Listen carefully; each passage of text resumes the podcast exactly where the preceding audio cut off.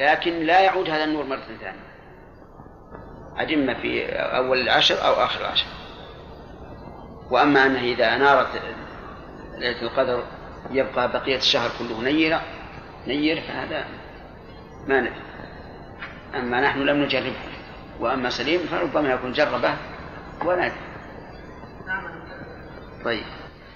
وهي في رمضان وفاقا لا في كل السنة. خلافا لابن مسعود وعن أبي حنيفة وأبي يوسف ومحمد كقوله وجزم به ابن هبيرة عن أبي حنيفة وذكر صاحب المحرر أن الأول أشهر عنه عن أصحابه وهي مختصة بالعشر الأخير منه عند أحمد وأكثر العلماء من الصحابة وغيرهم وفاقا لمالك والشافعي وليالي وتره آكد وأرجاها ليلة سبع وعشرين نص عليه. لا ليلة إحدى وعشرين خلافا. لا ليلة. إحدى وعشرين خلافا للشافعي. واختار صاحب المحرر كل العشر سواء وفاقا لمالك. ومذهب مالك أرجاها في تسع اختاره صاحب المحرر هو المتعين. أنها ترجى في كل ليالي العشر. لأنه لا يمكن أن تجتمع الأحاديث إلا على هذا القول. ودليل هذا أن النبي صلى الله عليه وسلم اعتكف في العشر الأول والأوسط ثم قيل له إنه في العشر الأواخر. ورأى أنه يسجد في صبيحتها في ماء وطين. فأمطرت السماء ليلة إحدى وعشرين ووقف المسجد ونزل المطر في الأرض. وسجد النبي صلى الله عليه وسلم صباحها على ماء وطين.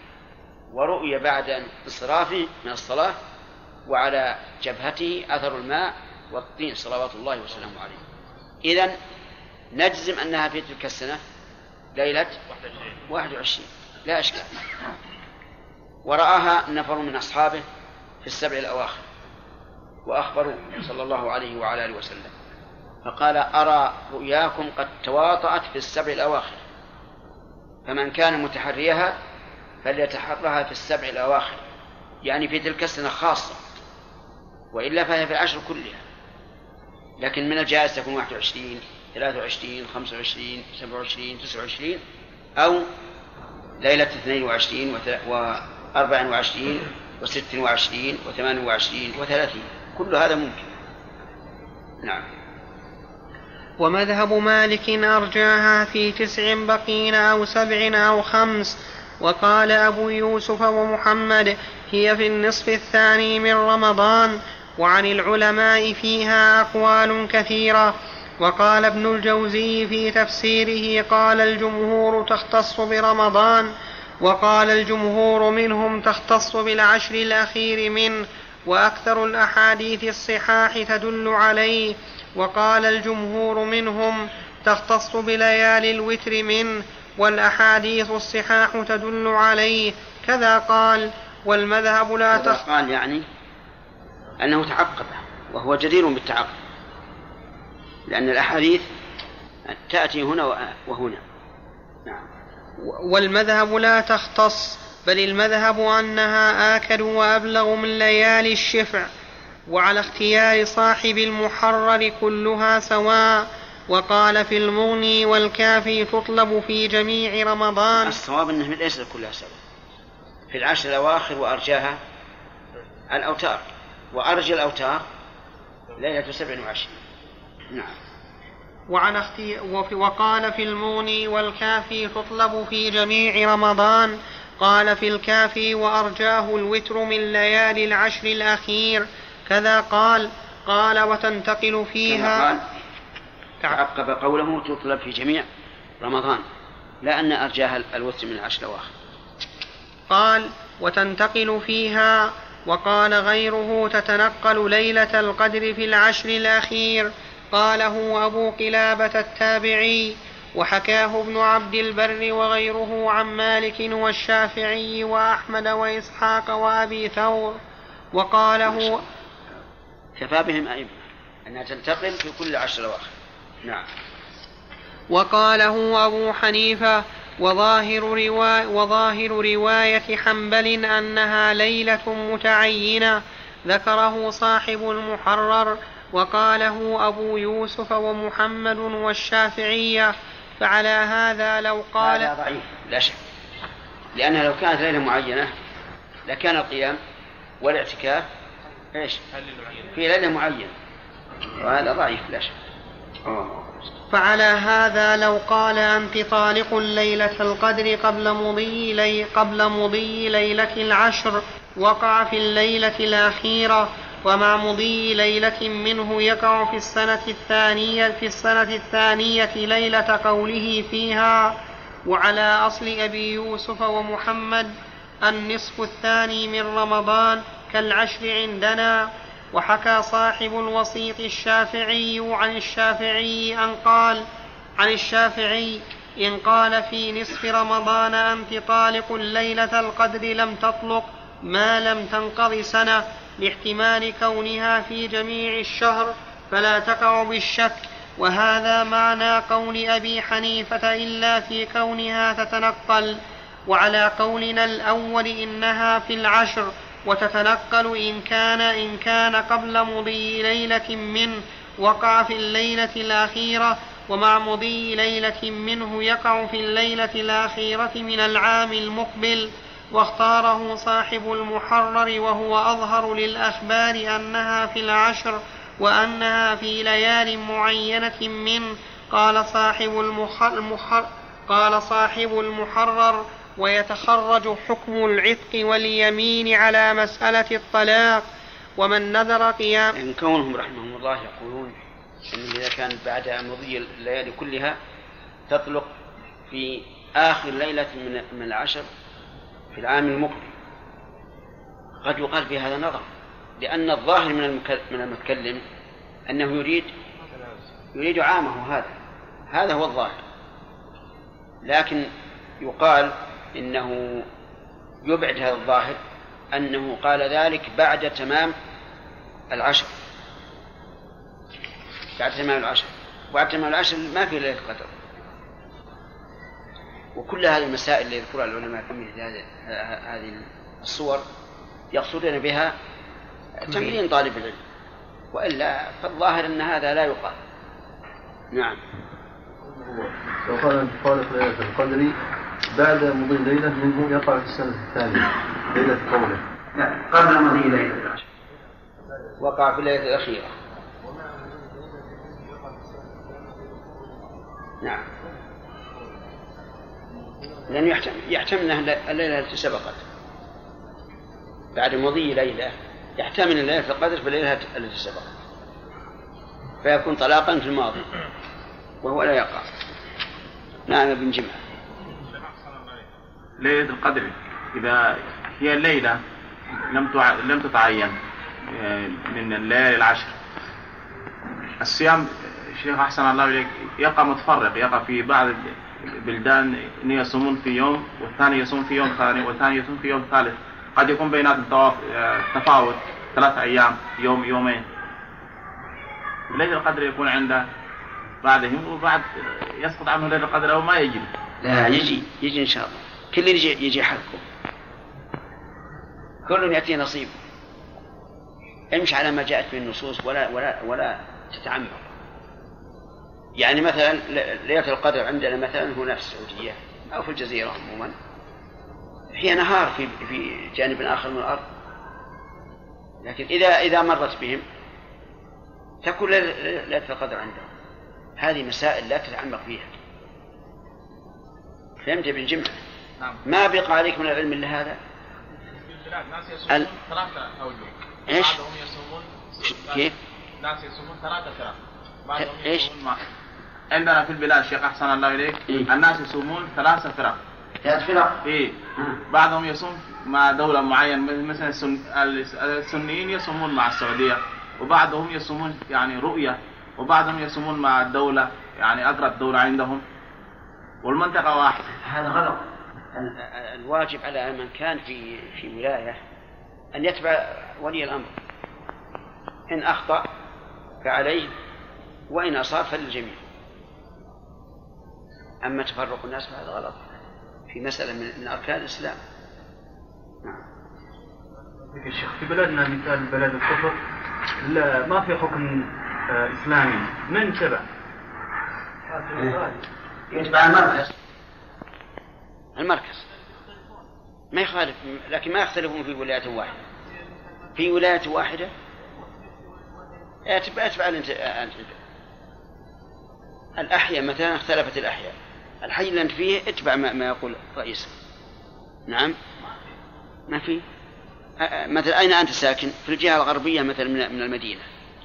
الجهة الغربية من المدينة لها مركز. اتبع المركز. وإلا أخرج حتى تبتعد عن الأنوار بحيث لا تراها وطالع الهلال أنت بنفسك. وهذا صعب. نعم يحيى. القادر إيمانا واحتسابا غفر له من تقدم من ذنبه الذي قام التراويح شيخ ونام. قام مع الإمام حتى انصرف. كتب له قيام ليلة.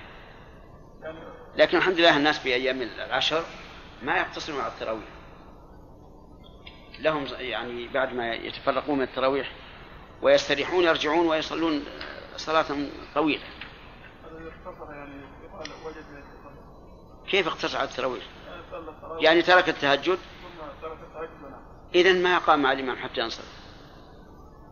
لأن الإمام ينصرف قبل أن يوتر في التراويح. فهذا لم يقم مع الإمام حتى ينصرف نعم والله أنا متوقف في هذا. يعني سئلت عنها متوقف.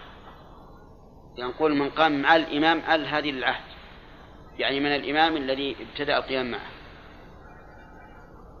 فأنت إذا أردت أن تقوم الليلة هذه مع إمام تبقى معه في التراويح والتهجد. والليلة الثانية مع, مع الإمام الثاني من أول. نعم. ومن نذر عندك سؤال؟ نعم. الله عليك.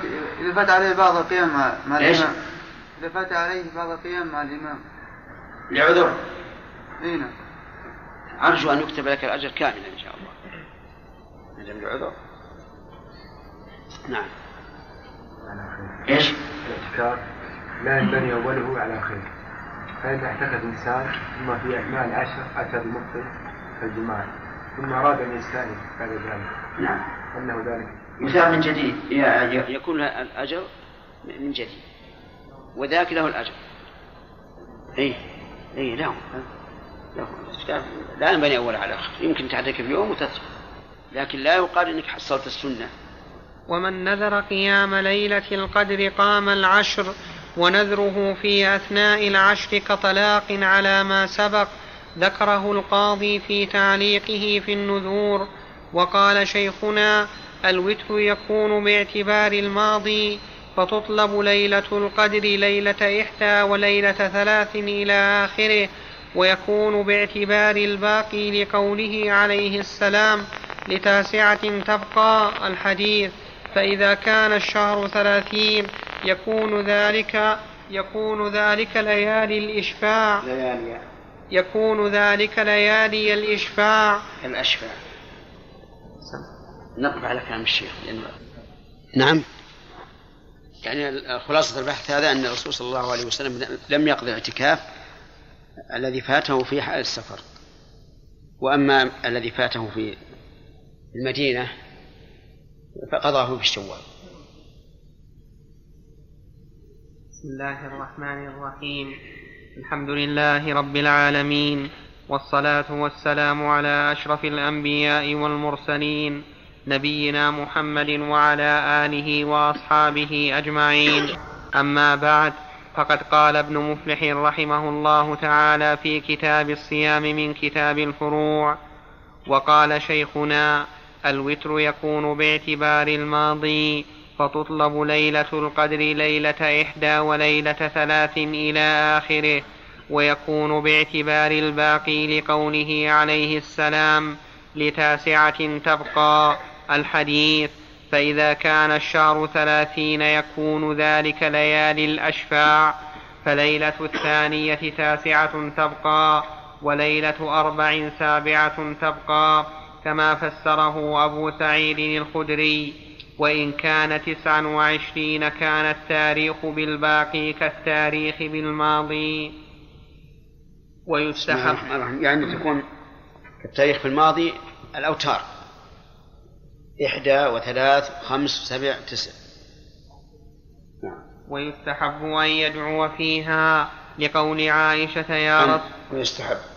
ويستحب أن يدعو فيها لقول عائشة. عندي بقول عائشة. كلكم؟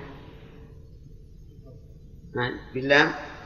أجعلها نسخانة وأنتم اجعلوها نسخة. عندنا أنسب للمعنى. ويستحب أن يدعو فيها بقول عائشة يا رسول الله إن وافقتها ما أقول. قال قولي اللهم إنك عفو تحب العفو فاعف عني. رواه أحمد وابن ماجة والترمذي وصححه عنها وصححه عن عنها يا رسول الله إن علمت ليلة القدر ما أقوله. قال قولي وذكره قال أبي بن كعب عن النبي صلى الله عليه وسلم وأمارتها أن تطلع الشمس في صبيحة يومها بيضاء لا شعاع لها رواه مسلم وغيره وصححه الترمذي ولأحمد من رواية ابن عقيل عن عمر بن عبد الرحمن والظاهر أنه لم يرو عنه غيره وحديثه في أهل الحجاز عن عبادة مرفوعا من قامها إيمانا واحتسابا غفر له ما تقدم من ذنبه وما تأخر. وله أيضا من رواية خالد بن معدان عن عبادة ولم يدرك وقال فيه واحتسابا ثم وقعت له وذكر وفيه وقال رسول الله صلى الله عليه وسلم إن أمارة ليلة القدر أنها صافية بلجة. كأن فيها قمرا ساطعا ساكنة ساجية لا برد فيها ولا حر ولا يحل للكوكب ولا يحل للكوكب أن يرمي أن يرمى به فيها حتى يصبح. وإن أمارتها أن الشمس صبيحتها تخرج تخرج. صبيحتها. وأن وإن أمارتها أن الشمس صبيحتها تخرج مستوية ليس فيها شعاع. مثل القمر ليلة البدر. مثل. مثل القمر ليلة البدر. لا يحل للشيطان أن يخرج معها يومئذ. قال بعضهم ويسن أن ينام متربعا مستندا إلى شيء نص عليه أحمد. إذا قال قائل هذه العلامة متأخرة فما الفائدة من ذكرها؟ وقال الفائدة من ذكرها قوة الرجاء. إذا كان الإنسان قد قام في تلك الليلة فيكون قوي الرجاء أن الله تعالى قد غفر له ما تقدم من ذنبه. لأن العلامات التي في نفس الليلة تبعث الرجل على العمل وتقوي همته. أما التي بعدها فإنها تقوي أمل الإنسان ورجاءه بأن يكون قد أصابها. ولكن هنا هنا قد لو قال قائل إذا كانت إذا عرف الأمارات ووقعت فهل يترك القيام بقية الليالي؟ قد يقول قائل هكذا. ما دام إنما كان يقوم من أجل ليلة تحري ليلة القدر فقد حصلت وانتهت. فيقال ولعله لا يصيب أجرها وثوابها إلا إذا ضم إليها بقية الليالي العشر. فتكون بقية بقية الليالي العشر كأنها الراتبة لصلاة الفريضة. ولهذا علم النبي صلى الله عليه وسلم بأماراتها ليلة 21 ومع ذلك أتم أتم اعتكافه وقيامه عليه الصلاة والسلام. نعم. لا لكل أحد. لكل أحد. ولهذا يذكرون لنا والله أعلم أنهم مثلا يرون الشمس هكذا تخرج صافية كأنها القمر. كثيرا ما يذكر لنا هذا من إنسان قام أو, أو لم يقم. ثم إن في رواية أحمد إشارة إلى أن الحكمة من ذلك أن الشيطان لا يحل أن يطلع معه. وقد أخبر النبي صلى الله عليه وعلى آله وسلم أن الشمس تطلع بين قرني شيطان. فكأنها في تلك الليلة لا يخرج معها الشيطان فت... فتكون صافية. نعم. قال بعضهم ويسن أن ينام متربعا مستندا إلى شيء نص عليه أحمد ويأتي إن شاء الله تعالى في المعتكف. فصل. هذا إذا أراد أن ينام. ينام متربعا مستندا إلى شيء لأجل أن لا يستغرق في النوم. أما إذا كان لا يريد النوم كما كان الرسول صلى الله عليه وعلى آله وسلم يفعل إذا دخل العشر شد المئزر وأيقظ أهله ولم يذق غمضا عليه الصلاة والسلام. نعم. فصل وليلة القدر أفضل الليالي وهي أفضل من ليلة الجمعة للأ وهي أفضل من ليلة الجمعة. وذكره الخطابي إجماعا وذكر ابن عقيل الروايتين. إحداهما هذا والثانية ليلة الجمعة أفضل وعلله بأنها تتكرر وبأنها تابعة لما هو أفضل الأيام وهو يوم الجمعة قال صاحب المحرر وهي اختيار ابن بطة وأبي الحسن الخرزي وأبي حفص البرمكي واحتجوا بأن الليلة تابعة ليومها وفيه ما لم يذكر في فضل يوم ليلة القدر ولبقاء فضلها في الجنة ولبقاء فضلها في الجنة لأن في قدر يومها تقع الزيارة إلى الحق سبحانه كما رواه الترمذي وابن ماجة من حديث أبي هريرة وإسناده حسن. وقال أبو الحسن التميمي ليلة القدر التي أنزل فيها القرآن أفضل من ليلة الجمعة فأما أمثالها من ليالي القدر فليلة الجمعة أفضل. وذكر أبو بكر وذكر أبو بكر بن العربي المالكي في المعارضة وذكره غيره أن يوم الجمعة أفضل الأيام. وقال شيخنا نعم. نعم. وهو في العارضة. في العارضة. ها؟ إيش؟ بالميم؟ ما ما فطنت أشار إلى العارضة. كتاب في الحاشية عندي. ها؟ أشار إلى العارضة أنها موجودة لكن وجعلها عندي في المعارضة. يعني النسخة الثانية يقول؟ أي نعم. بقى النسخة لكنه أشار إلى في العارضة هي. معروف. تصحيح. ها؟ إي نعم. وقال شيخنا هو أفضل أيام الأسبوع إجماعا وقال يوم النحر أفضل أيام العام. وكذا ذكر جده صاحب المحرر في صلاة العيد من شرحه منتهى الغاية أن يوم النحر أفضل. وظاهر ما ذكره أبو حكيم أن يوم عرفة أفضل وهذا أظهر وقاله أكثر الشافعية وبعضهم يوم الجمعة وظهر مما سبق أن وقد يقال إن يوم عرفة أفضل باعتبار الحجاج الواقفين أفضل الأيام. ويوم عرفة ويوم الجمعة أفضل باعتبار عموم الناس. وبهذا يحصل المقصود لا شك لأن يوم الجمعة بالنسبة لعموم الناس هو أفضل أيام الأسبوع. ويوم عرفة بالنسبة للحجاج أفضل من غيره. وظهر مما سبق أن هذه الأيام أفضل من غيرها. ويتوجه على اختيار شيخنا بعد يوم النحر يوم القر الذي يليه لأنه احتج بقوله عليه السلام أعظم الأيام عند الله يوم النحر ثم يوم القر. قال في الغنية إن الله اختار من الأيام أربعة الفطر والأضحى وعرفة ويوم عاشوراء واختار منها يوم عرفة. وقال أيضا إن الله اختار للحسين الشهادة في أشرف الأيام وأعظمها وأجلها وأرفعها عنده منزلا والله أعلم. وأسقط يوم الجمعة إما سهوا أو أو أو غلطا. نعم. وعشر ذي الحجة أفضل على ظاهر ما في العمدة وغيرها. وسبق كلام شيخنا في صلاة التطوع وقال أيضا قد يقال ذلك وقد يقال ليالي عشر رمضان الأخير وأيام ذلك أفضل وأيام ذلك أفضل.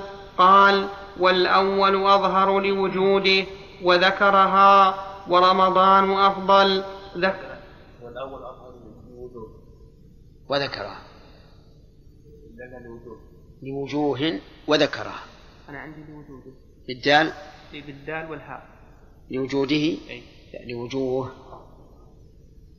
قال والأول أظهر لوجوه وذكرها ورمضان أفضل. ذكره جماعة. وذكره ابن شهاب في من زال عذره. وذكروا أن الصدقة فيه أفضل. وعللوا ذلك.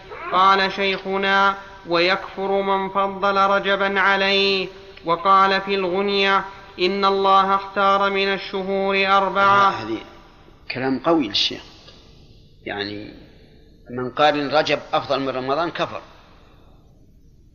لأن رمضان أفضل الشهور. وله ميزات كثيرة لم لم تحصل في رجب. ولكن لعل شيخ الإسلام رحمه الله في زمنه يوجد من يفضل رجب على رمضان. وقوله إن الصدقة فيه أفضل نعم هي أفضل لأن النبي صلى الله عليه وعلى آله وسلم كان أجود ما يكون في رمضان. لكن إذا حصل مسغبة صارت الصدقة في في المسغبة أفضل من الصدقة في رمضان. لقول الله تبارك وتعالى وما أدراك ما العقبة فك رقبة.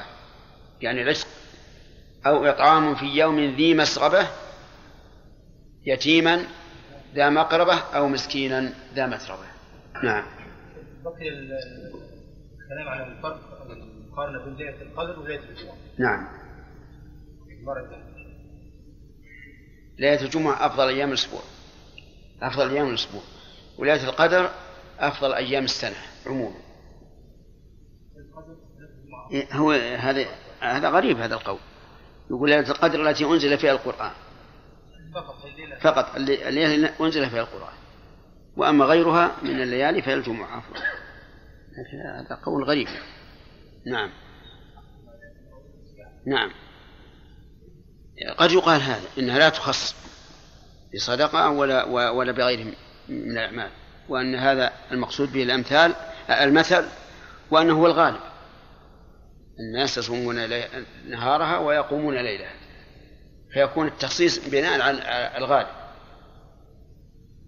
نعم. نعم.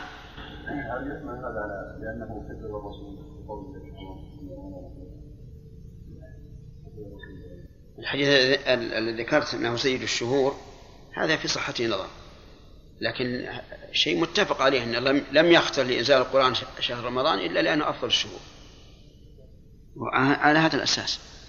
ان كون الله يخص بميزات لا توجد في غيره من الشهور يدل على أنه أفضلها. وقال في الغنية إن الله اختار من الشهور أربعة رجبا وشعبان ورمضان والمحرم واختار منها شعبان وجعله شهر النبي صلى الله عليه وسلم فكما أنه أفضل الأنبياء فشهره أفضل الشهور. كذا قال. وقال ما يكفي أن يقال كذا قال. بل ينبغي أن يقال هذا باطل. لأنه لا دليل عليه. إن الله اخت- اختار الأربعة وأسقط شهر ذي الحجة. وهو من أفضل الشهور. لأنه يجتمع فيها أنه شهر حج وشهر محرم. يعني من الشهور الم- المح- المحرمة. وكذلك إن الله اختار شعبان هذا ما هو بصحيح. وجعله شهر النبي صلى الله عليه وسلم. من أين هذا؟ فغفر الله لصاحب الفروع الذي نقل هذا القول واقتصر على قوله كذا قال. وقال ابن الجوزي قال القاضي أبو يعلى في قوله تعالى منها أربعة حرم إنما سماها حرما لتحريم القتال فيها. ولتعظيم انتهاك المحارم فيها ولتعظيم انتهاك المحارم فيها أشد من تعظيمه في غيرها وكذلك تعظيم الطاعات. أشد, أشد بالنصب ولتعظيم انتهاك ولتعظيم انتهاك المحارم فيها أشد من تعظيمه في غيرها وكذلك تعظيم الطاعات. ثم ذكر ابن الجوزي أحد القولين في قوله تعالى فلا تظلموا فيهن أنفسكم أي في الأربعة وأن أحد الأقوال أن الظلم المعاصي. قال فتكون فائدة تخصيص بها أن شأن تعظيم المعاصي فيها أشد من تعظيمه في غيرها وذلك لفضلها على ما سواها. كتخصيص جبريل وميكائيل وقوله فلا رفث ولا فسوق ولا جد وقوله و... وق... نعم. وقوله فلا رفث ولا فسوق ولا جدال في الحج وكما أمر بالمحافظة على الصلاة الوسطى وقال وهذا قول الأكثرين والله سبحانه وتعالى أعلم بالصواب. الصواب ما هي؟ الله أعلم. عندي قال في مخطوط الأزهر والله أعلم. باب الاعتكاف. الاعتكاف لغة لزوم الشيء ومنه يعكفون على أصنام لهم. يقال عكف بفتح الكاف يعكف بضمها وكسرها قراءتان. وشرعا لزوم مسجد بصفة مخصوصة. قال ابن هبيرة وهذا الاعتكاف لا يحل لا رحمه الله بصفة مخصوصة ما أفادنا شيئا لأنه غير مانع. يشمل حتى من لزم المسجد مضطجعا مثلا أو لزم المسجد قائما أو ما أشبه ذلك. والصواب أن التعريف الصحيح لزوم لزوم المسجد أو لزوم مسجد لطاعة الله. هذا الاعتكاف لزوم مسجد لطاعة الله. قال ابن هبيرة وهذا الاعتكاف لا يحل أن يسمى خلوة ولم يزد على هذا ولعل الكراهة أولى ويسمى جوارا لقول عائشة رضي الله عنها عنه عليه السلام وهو مجاور في المسجد متفق عليه. وفيهما من حديث أبي سعيد قال كنت أجاور هذه العشر يعني الأوسط ثم قد بدا لي أن أجاور هذا العشر الآخر فمن, فمن كان اعتكف معي فليثبت في معتكفه وهو سنة إجماعا ويجب بنذره إجماعا وإن علقه أو. وإن علقه أو غيره بشرط فله شرطه نحو لله أن أعتكف شهر رمضان إن كنت مقيما أو معافى فكان فيه مريضا أو مسافرا لم يلزمه شيء وهل يلزم بالشروع أو بالنية؟ سبق آخر الباب, سبق آخر الباب قبله ولا يختص بزمان إلا ما نهي عن صيام إلا ما نهى عن صيامه. للاخت... ولا يختص بزمان إلا ما نهي عن صيامه. للاختلاف في جوازه بغير صوم. وآكده رمضان وآكده رمضان إجماعا. وآك... بعض أهل العلم يقول لا يصح الصوم آه، الاعتكاف إلا بصوم. واختار هذا شيخ الإسلام ابن تيمية رحمه الله. وعلى هذا فلا يمكن أن أن يعتكف في في يوم العيد أو أيام التشريق لأنه لا صوم فيها. نعم. وآكده العشر الأخير إجماعا. إيش, إيش؟ وآكده رمضان. نعم. وآكده رمضان إجماعا. وآكده العشر الأخير إجماعا. ولم يفرق الأصحاب بين الثغر وغيره وهو واضح. ونقل أبو طالب لا يعتكف في الثغر لئلا يشغله نفير. ولا يصح إلا بالنية وفاقا. ويجب تعيين المنذور بالنية ليتميز وإن نوى الخروج منه ف... وإن نوى الخروج منه فقيل يبطل لأنه يخرج منه بالفساد كالصلاة وقيل لا لتعلقه بمكان كالحج وللشافعية وجهان وإن خرج لما لا يبطل ولم يكن نوى مدة مقدرة ابتدأ النية وإلا فلا. ذكره في الترغيب وغيره وظاهر كلام جماعة لا يبتدئها ولا يصح من كافر ومجنون وطفل كصلاة وصوم. قال صاحب المحرر لا أعلم فيه خلافا. وكذا ذكر غيره لخروجه بالجنون عن كونه من أهل المسجد على ما, على ما سبق في باب الغسل. لكن يتوجه هل, يم هل يبني أو يبتدئ. الخلاف في بطلان الصوم ولا يبطل بإغماء جزم به في الرعاية وغيرها ويأتي في النذر نذر الكافر. فصل. نعم. نعم يا وليد. حسب نيته إذا نوى الشهر وجب لأنه ليس من أهل الوجوب. أو يقال المراد بالطفل الذي لم يميز لأنه قال كالصلاة. نعم.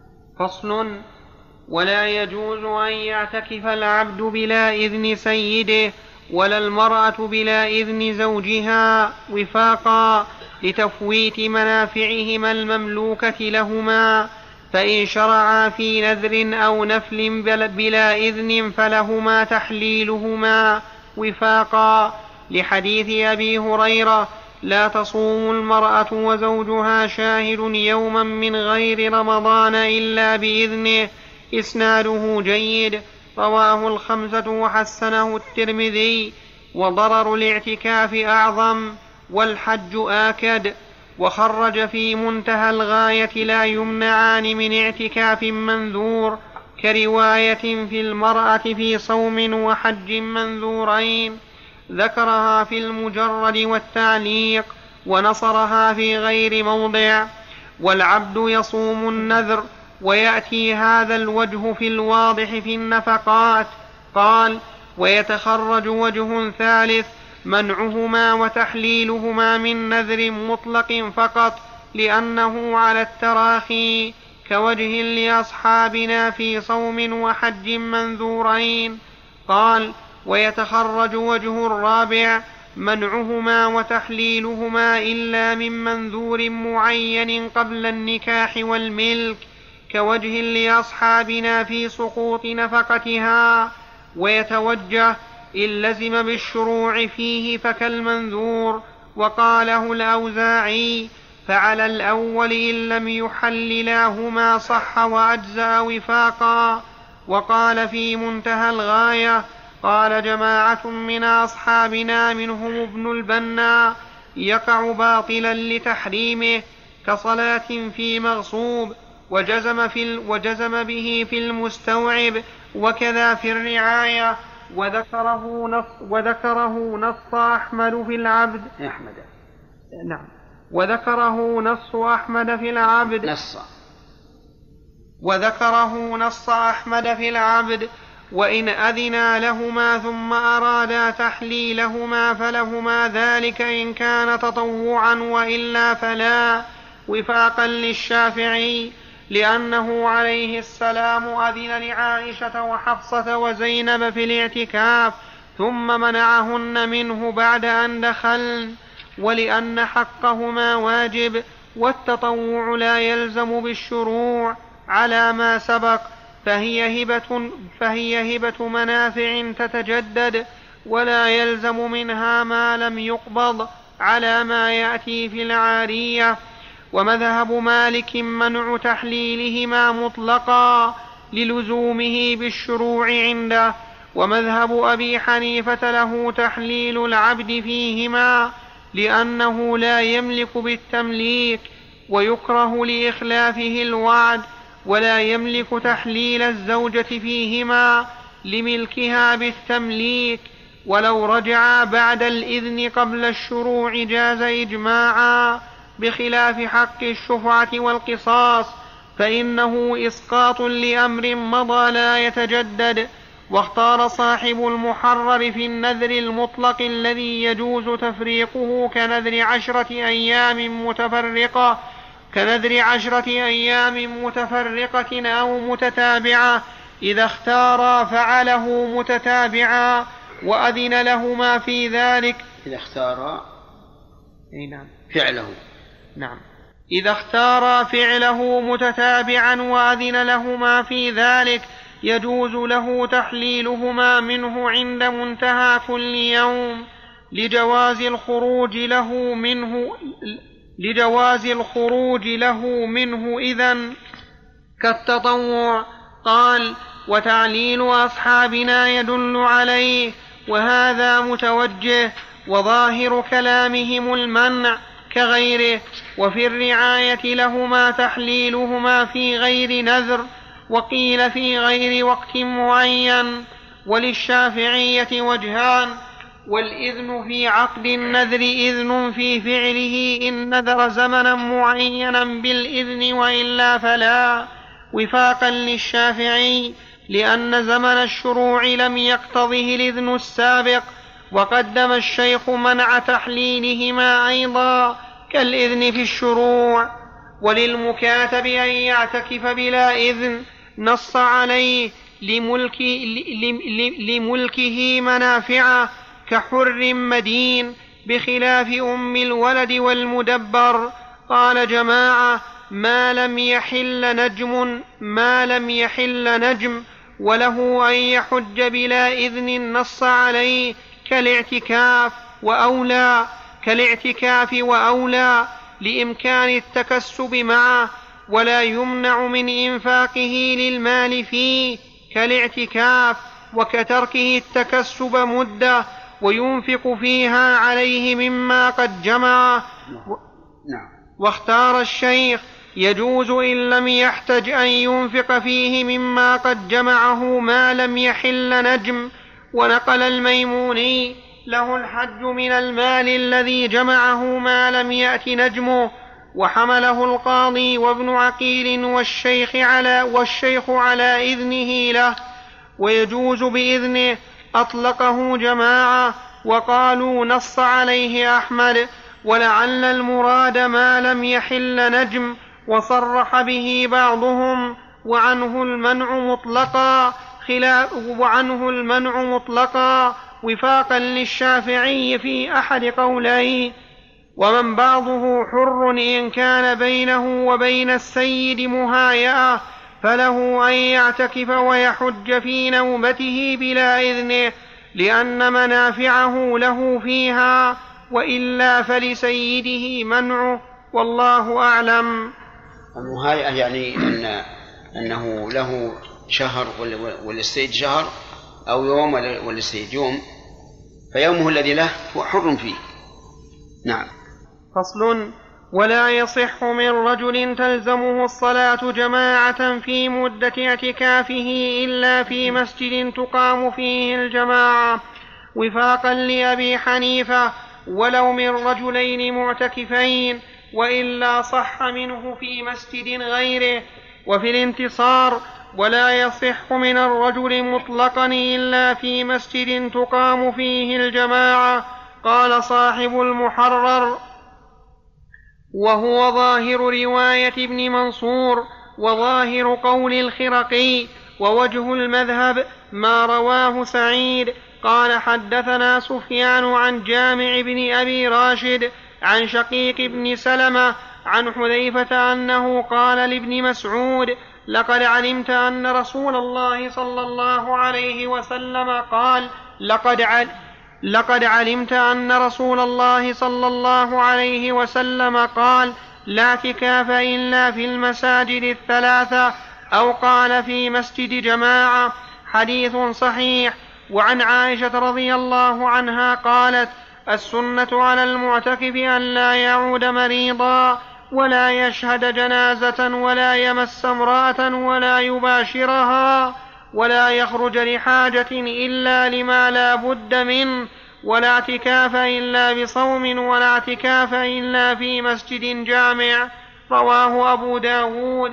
وقال غير عبد, غير عبد الرحمن بن إسحاق لا يقول فيه قالت السنة يعني أنه موقوف. وعبد الرحمن مختلف فيه وروى له مسلم ورواه الدار قطني بإسناد جيد من حديث الزهري عن عروة وابن المسيب عن عائشة في حديث عنها وفيه وإن السنة وذكره وفي آخره ويأمر من اعتكف أن يصوم وقال يقال إن السنة إلى آخره من قول الزهري ومن أدرجه في الحديث فقد وهم ورواه أبو بكر النجاد وغيره عن علي وغيره ولأن الجماعة واجبة فيحرم تركها. ويفسد الاعتكاف بتكرار الخروج. هذا تابع القول للتعليل يعني الجماعة واجبة فإما أن يتركها باعتكافه وإما أن يتكرر خروجه وتكرار الخروج يفسد الاعتكاف. ويفسد الاعتكاف بتكرار الخروج. وظهر من هذا إن قلنا لا تجب الجماعة يصح في كل مسجد. وفاق صح سم. صح في كل مسجد. نسخة.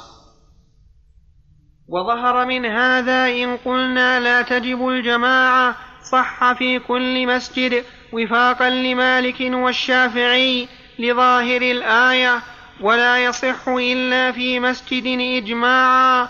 حكاه ابن عبد البر وجوزه بعض المالكية وبعض الشافعية في مسجد بيته ويصح في المساجد الثلاثة إجماعا. حكاه ابن المنذر حكاه ابن المنذر. وعن حذيفة وابن المسيب لا اعتكاف إلا فيها. والله أعلم. والصواب جواز الاعتكاف في كل مسجد. لكن الاعتكاف الكامل في المساجد الثلاث المسجد الحرام والمسجد النبوي والمسجد الأقصى. ورحبة المسجد ليست منه في رواية وهي ظاهر كلام الخرقي وعنه بلى.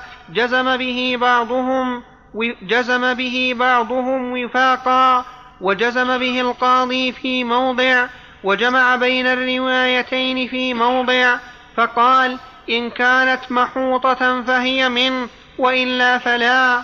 قال صاحب المحرر ونقل محمد بن الحكم ما يدل على صحته فقال إذا سمع أذان العصر في رحبة مسجد الجامع انصرف ولم يصل ليس هو بمنزلة المسجد حد المسجد الذي جعل عليه حائط وباب. وقدم هذا في المستوعب وصححه أيضا وقال ومن أصحابنا من جعل المسألة على روايتين وفي كلام الشافعية الرحبة المتصلة به منه والله أعلم. وهذا لا شك فيه الرحبة المحوطة من المسجد. وأما الرحبة التي لم تحوط ولكنها جعلت لحاجة المسجد إن احتاج إلى زيادة فهذه ليست منه. وينبني على ذلك جواز خروج المعتكف من المسجد إلى الرحبة. إن خرج إلى الرحبة التي منه فلا بأس. وإن خرج إلى الرحبة التي ليست منه لم يصح. ومن ذلك في المسجد الحرام. المسعى ليس من المسجد. فإذا خرج المعتكف إلى المسعى حرم عليه ذلك. ومن باب أولى آه، الحوش المحوش من وراء المسعى هذا ليس من المسجد. فمن خرج إليه باعتكافه حرم عليه الخروج وبطل اعتكافه إلا إذا كان لعذر. نعم. وظهر المسجد آدم.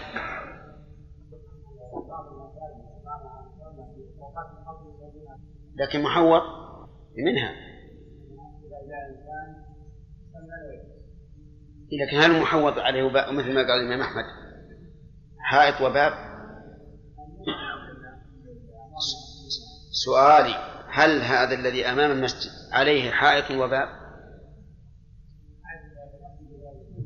ها؟ إيه؟ طيب لا بأس. يكون من المسجد. لا التحية غير واجبة على أقول الراجح لكنها تسن.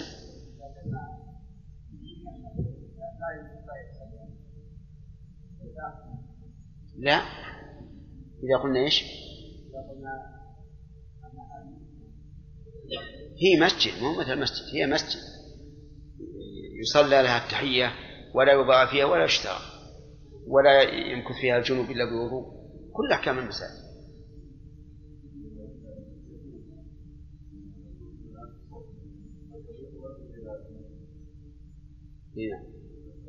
يعني في السطح. هذا كنت أرى بالأول أنه لا يصح طواف. ولكن تأملت وقلت إذا إذا كان هناك ضيق وخاف الإنسان على نفسه فلا بأس أن يحول ويدخل في المطار لأنه هذا أحيانا يكون ضيق. وقست على ما إذا اتصلت الصفوف خارج المسجد فإنها تصح الصلاة. هم عاد أظن وسعوها الآن وسعوا بعض الشيء فيه بس نعم. إذا لا إذا لم يخف فلا يفعل. ها؟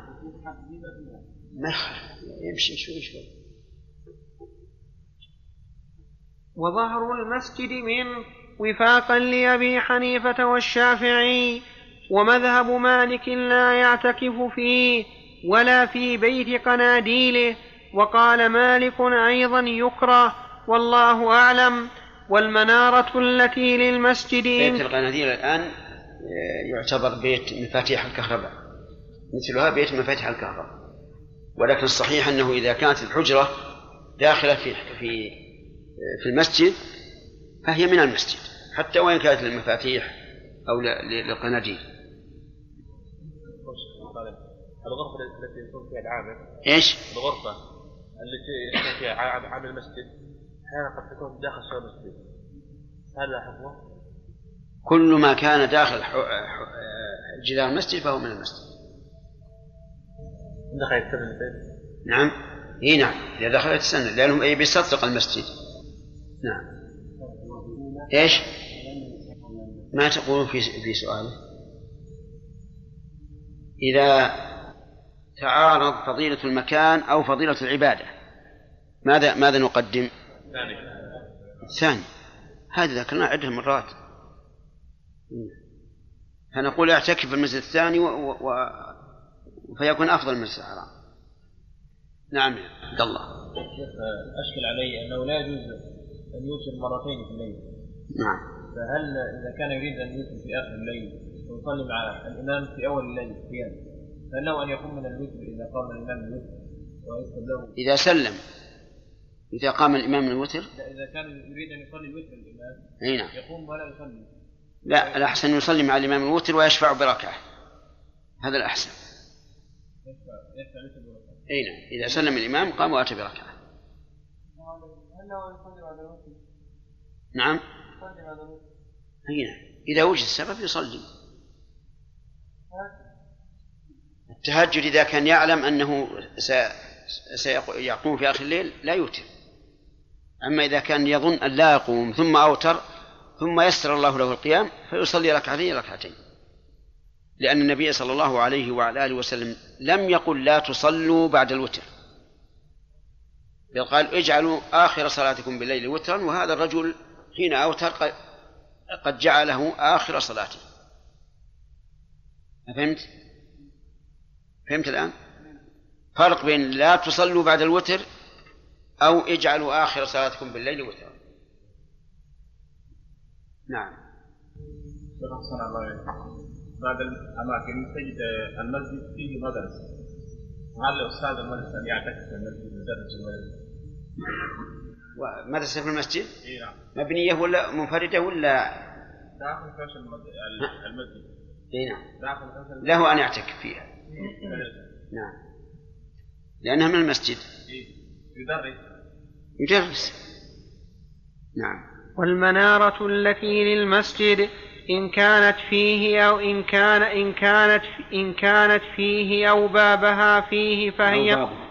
إن كانت فيه أو بابها فيه فهي من بدليل منع بدليل منع جنب والأشهر عن مالك يكره وقاله وقاله الليث وإن كان بابها خارجا منه بحيث لا يستطرق إليها إلا خارج المسجد أو كانت خارج المسجد والمراد والله أعلم وهي قريبة منه كما جزم به بعضهم فخرج للأذان بطل اعتكافه لأنه مشى حيث يمشي جنب حيث يمشي جنب لأمر منه بد كخروجه إليها لغير الأذان وقيل لا يبطل واختاره ابن البنا وصاحب المحرر وقال القاضي لأنها بنيت له فكأنها منه وقال أبو الخطاب لأنها كالمتصلة به وقال صاحب المحرر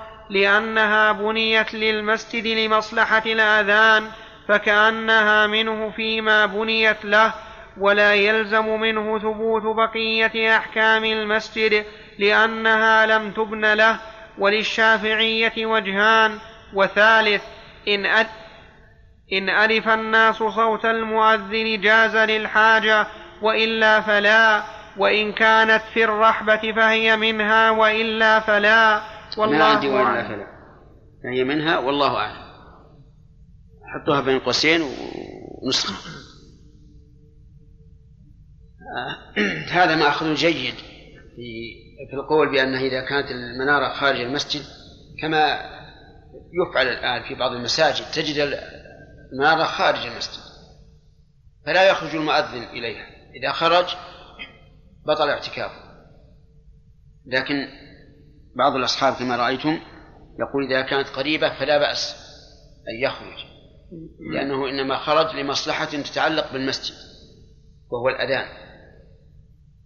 هذا قول وجيه. نعم. والأفضل اعتكاف الرجل في الجامع إذا كان اعتكافه تتخلله جمعة ولا يلزم وفاقا لأكثر العلماء منهم أبو حنيفة وظاهر مذهب الشافعي وحكاه في شرح مسلم عن مالك لما سبق ولأنه خرج لما لا بد منه وكأنه استثنى الجمعة ولا تتكرر بخلاف الجماعة وفي الانتصار وجه يلزم. فإن اعتكف في غيره بطل بخروجه إليها وفاقا لمالك لأنه أمكنه أن يحترز منه كالخارج من صوم الشهرين المتتابعين إلى صوم رمضان ونحن نمنعه على ما يأتي. فأما إن عين بنذره المسجد الجامع تعين موضع الجمعة وإن عين غير موضعها وإن عين غير موضعها لم يتعين موضعها ولا يصح إن وجبت الجماعة بالاعتكاف فيما تقام فيه الجمعة وحدها. ويصح عند مالك والشافعي ولمن لا تلزمه الجمعة أن يعتكف في غير الجامع وتبطل بخروجه إليها إلا يبطل ويبطل. يعني الاعتكاف. ويبطل بخروجه إليها إلا أن يشترط كعيادة المريض ويصح من المرأة في كل مسجد للآية والجما ويصح من المرأة في كل مسجد للآية والجماعة لا تلزمها وفي الانتصار في مسجد تقام فيه الجماعة وهو ظاهر رواية ابن منصور وظاهر رواية الخرقي لما رواه حرب وغيره بإسناد جيد عن ابن عباس رضي الله عنه أنه سئل عن امرأة جعلت عليها أن تعتكف في مسجد في مسجد نفسها في بيتها. فقال بدعة وأبغض الأعمال إلى الله البدع فلا اعتكاف إلا في مسجد تقام فيه الجماعة. ولا يصح في مسجد بيتها وهو ما اتخذته لصلاتها لما سبق وهذا ليس بمسجد حقيقة ولا حكما. ويصح عند أبي حنيفة وأنه أفضل وفي كتبهم كالمختار المرأة تعتكف في بيتها. قال الأصحاب فلم لم ينبه أزواجه على ذلك؟ وإنما خاف عليهن التنافس في الكون معه وترك ال وترك ال وترك المست وترك ال وترك المستحا المستحاض وترك ال وترك المستحاضة فيه أنا عندي التاء مفتوحة. ها؟ عندي التاء مفتوحة. بالمستحاضة؟ أي نعم. وإنما خاف عليهن التنافس في الكون معه وترك المستح وترك المستحاضة فيها والطست تحتها. قال صاحب المحرر ترك عندي وترك المستحاضة فيه والقصد تحتها. وإنما خاف عليهن التنافس في الكون معه وترك المستحاضة فيه والطست تحتها. قال صاحب المحرر إننا نكرهه لها إذا لم تتحفظ بخباء ونحوه واستحبه غيره. وأن لا يكون بموضع الرجال نقل أبو داود وغيره يعتكفن في المساجد ويضربن لهن فيها الخيم. قال الشيخ وغيره ولا بأس أن يستتر الرجل أيضا بفعله عليه السلام لأنه أخفى لعمله ونقل ابن إبراهيم وغيره إلا لبرد شديد ونقل صالح وابن منصور لبرد والله أعلم. فصل. وعلى كل حال قولهم رحمهم الله له أن يضرب على نفسه خيمة وما أشبه ذلك ينافي العرف في وقتنا. ولا يمكن أن يضرب المعتكف له خباء في المسجد لما في ذلك من التضييق والتنافس والتفاخر أيضا.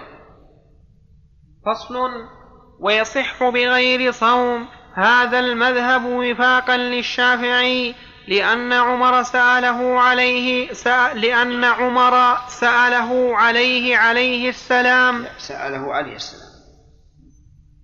لأن عمر سأله عليه السلام إني نذرت في الجاهلية أن أعتكف ليلة وفي لفظ لمسلم يوما في المسجد الحرام.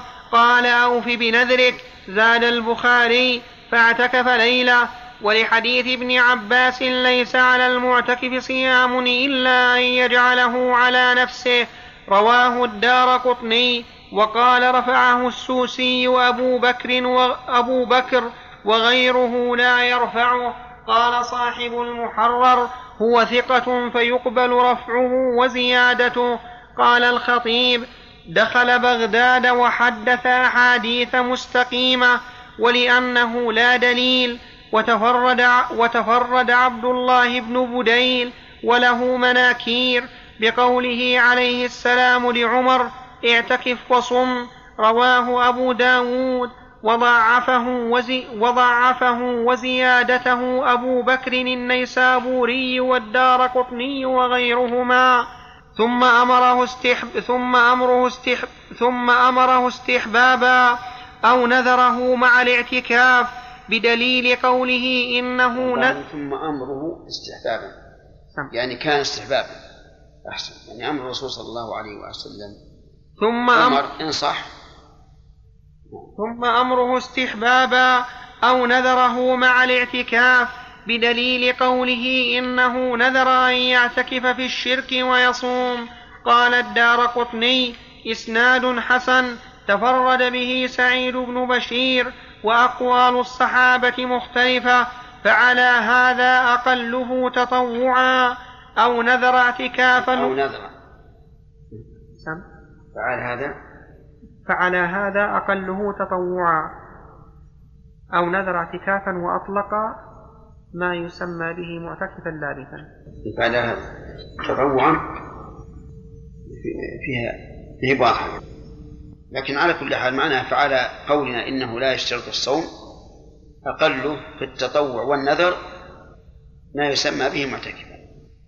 أو نذر اعتكافا وأطلق ما يسمى به معتكفا لابثا فظاهره ولو لحظة وفاقا للأصح للشافعية وأقله عندهم مكث يزيد على طمأنينة الركوع أدنى زيادة وفي كلام جماعة أقله ساعة لا لحظة ولا يكفي عبوره خلافا لبعض الشافعية ويصح الاعتكاف في أيام النهي التي لا يصح صومها. ولو صام ثم أفطر عمدا لم يبطل اعتكافه وعنه لا يصح الاعتكاف بغير صوم. وفاقا لأبي حنيفة ومالك. فعلى هذا فعلى هذا لا يصح ليلة مفردة وفي أقله وجهان.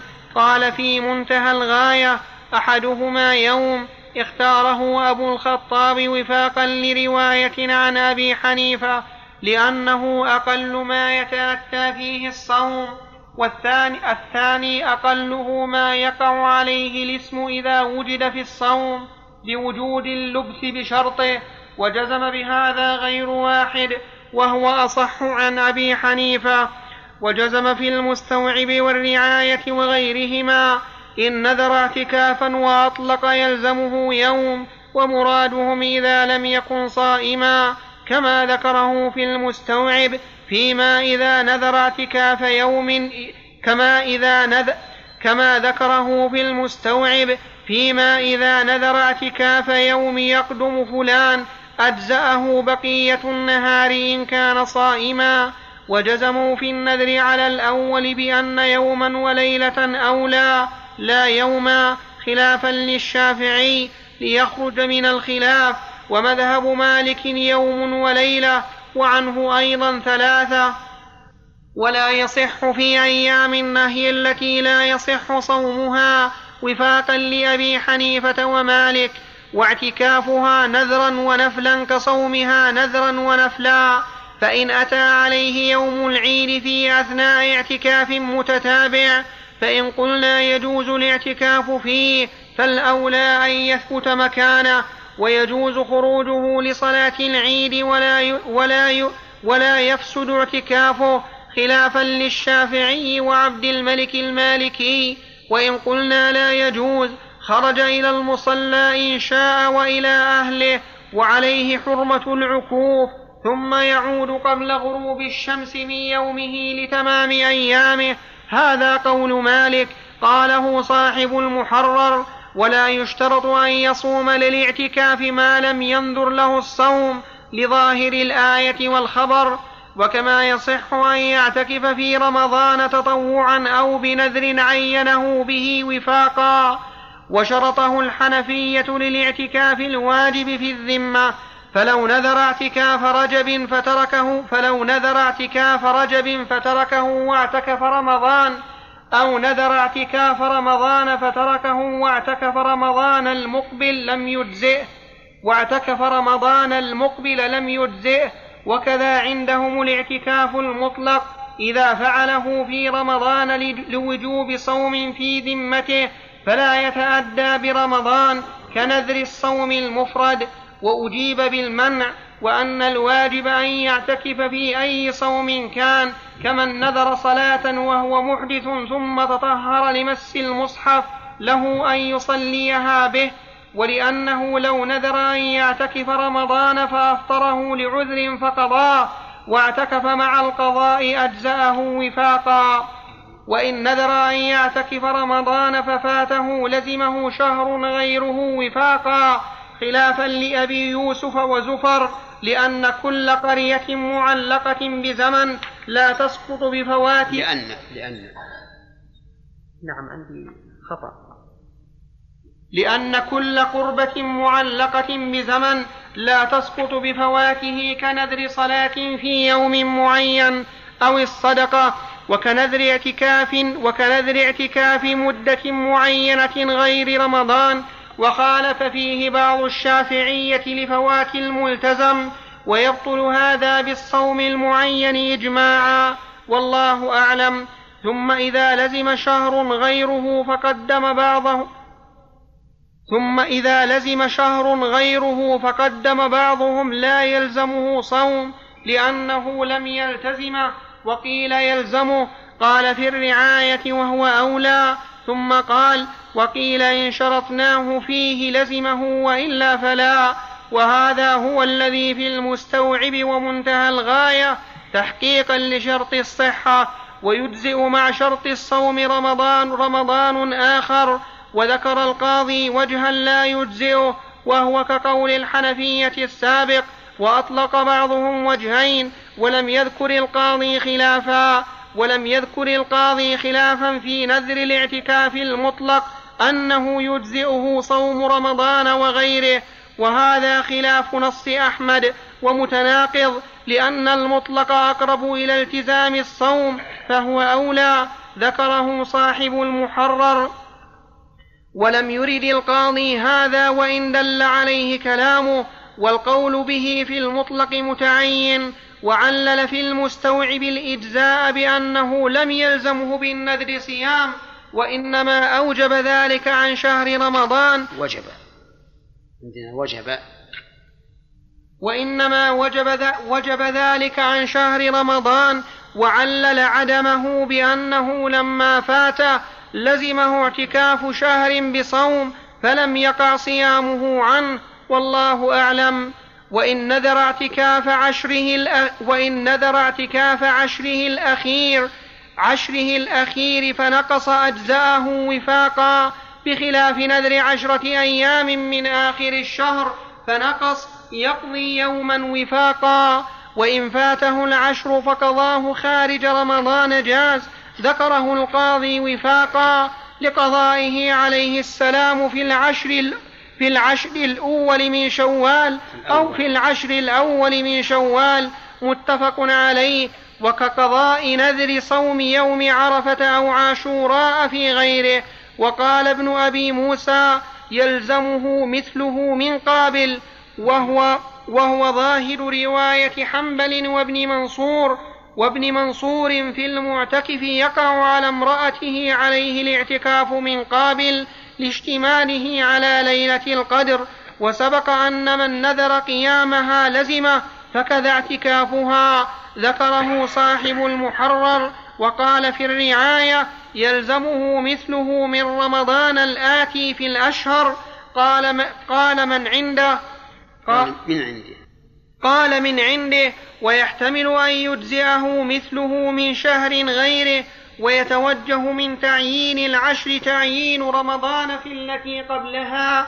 ولهذا لما ذكر في المستوعب المسألة الأولى قال وقد ذكر ابن أبي موسى فذكر قوله ولم يزد ولعل الثاني أظهر لأن ثانية ولعل الثاني أظهر لأن فعله عليه السلام تطوع والصوم يجزئ المفضول فيه عن الفاضل بدليل أيام الأسبوع والأشهر والله أعلم. فصل. من قال لله علي. نعم. آدم. أقر أقر يا أخي. فصل. من قال لله علي أن أعتكف صائما أو بصوم لزماه معا فلو فرقهما أو اعتكف وصام فرض رمضان ونحوه لم يجزئ لظاهر قوله عليه السلام ليس على المعتكف صيام إلا أن يجعله على نفسه ولأن الصوم صفة مقصودة فيه كالتتابع وكالقيام في صلاة التطوع. وذكر صاحب المحرر عن بعض أصحابنا يلزمه الجميع لا الجمع فله فعل كل واحد منهما منف... فله فعل كل منهما منفردا. وقاله بعض الشافعية كما لو نذر أن يصلي قائما أو بالعكس صائما أن يصلي صائما. كما لو نذر أن يصلي صائما أو بالعكس قال صاحب المحرر لا نسلمه ونقول يلزمه الجمع كما قال ثم سلمه. وهذا هو المعروف لكون كل منهما ليس بمقصود ليس بمقصود في الآخر ولا سببه. وإن نذر أن يصوم معتكفا فالوجهان لنا وللشافعية في التي قبلها. قاله صاحب المحرر وفرق في التلخيص بينهما بأن الصوم ليس من شعاره الاعتكاف واختاره بعض الشافعية. وإن نذر أن يعتكف مصليا فالوجهان في المذهبين وفيهما وجه ثالث لا يلزمه الجمع هنا لتباعد ما بين العبادتين وكل واحد من الصوم والاعتكاف كف يعتبر بالزمان فلزم الجمع بينهما بالنذر كالحج والعمرة ولا يلزمه أن يصلي جميع الزمان. ذكر, ذكر ذلك صاحب المحرر والمراد ركعة أو ركعتان ولم يذكر هذه الصورة في التلخيص والرعاية.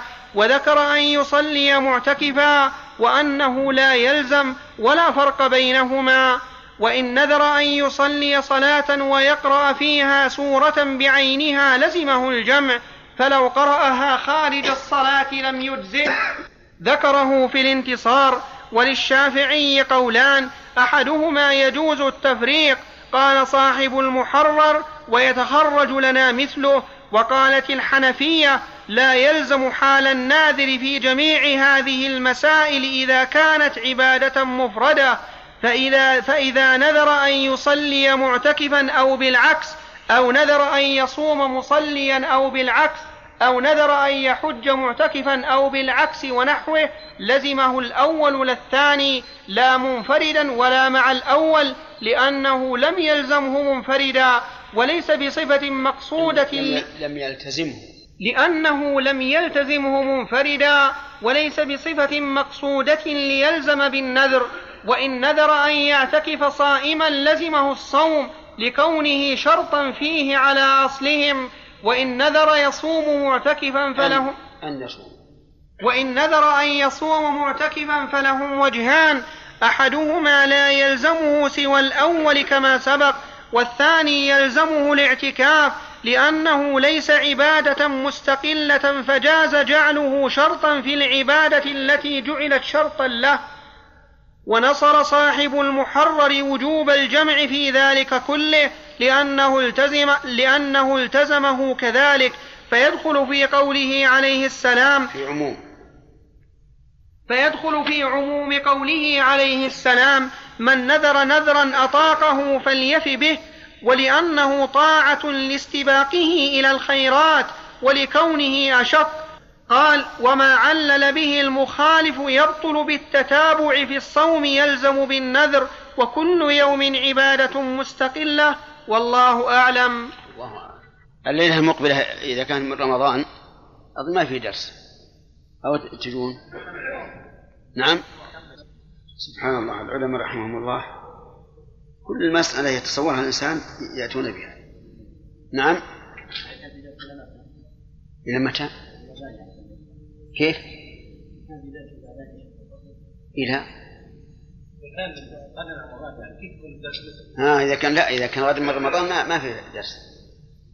لكن الله أعلم ما يكون حسب يعني ما بلغنا عن الفلكيين أن القمر يغيب الليلة قبل الشمس بتسع دقائق. لكن على كل حال الرؤية مقدمة. إن كان من رمضان غدا فلا درس. نقف على هذا.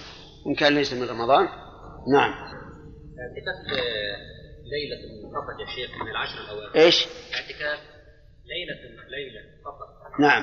من العشر الأوائل. نعم. يفعل بعض الناس يثاب عليه ولكن لا, لا لم يأتي بالسنة. نعم. الراجح في أقل الاعتكاف المسنون العشر كله. اعتكف النبي صلى الله عليه وسلم جميع العشر.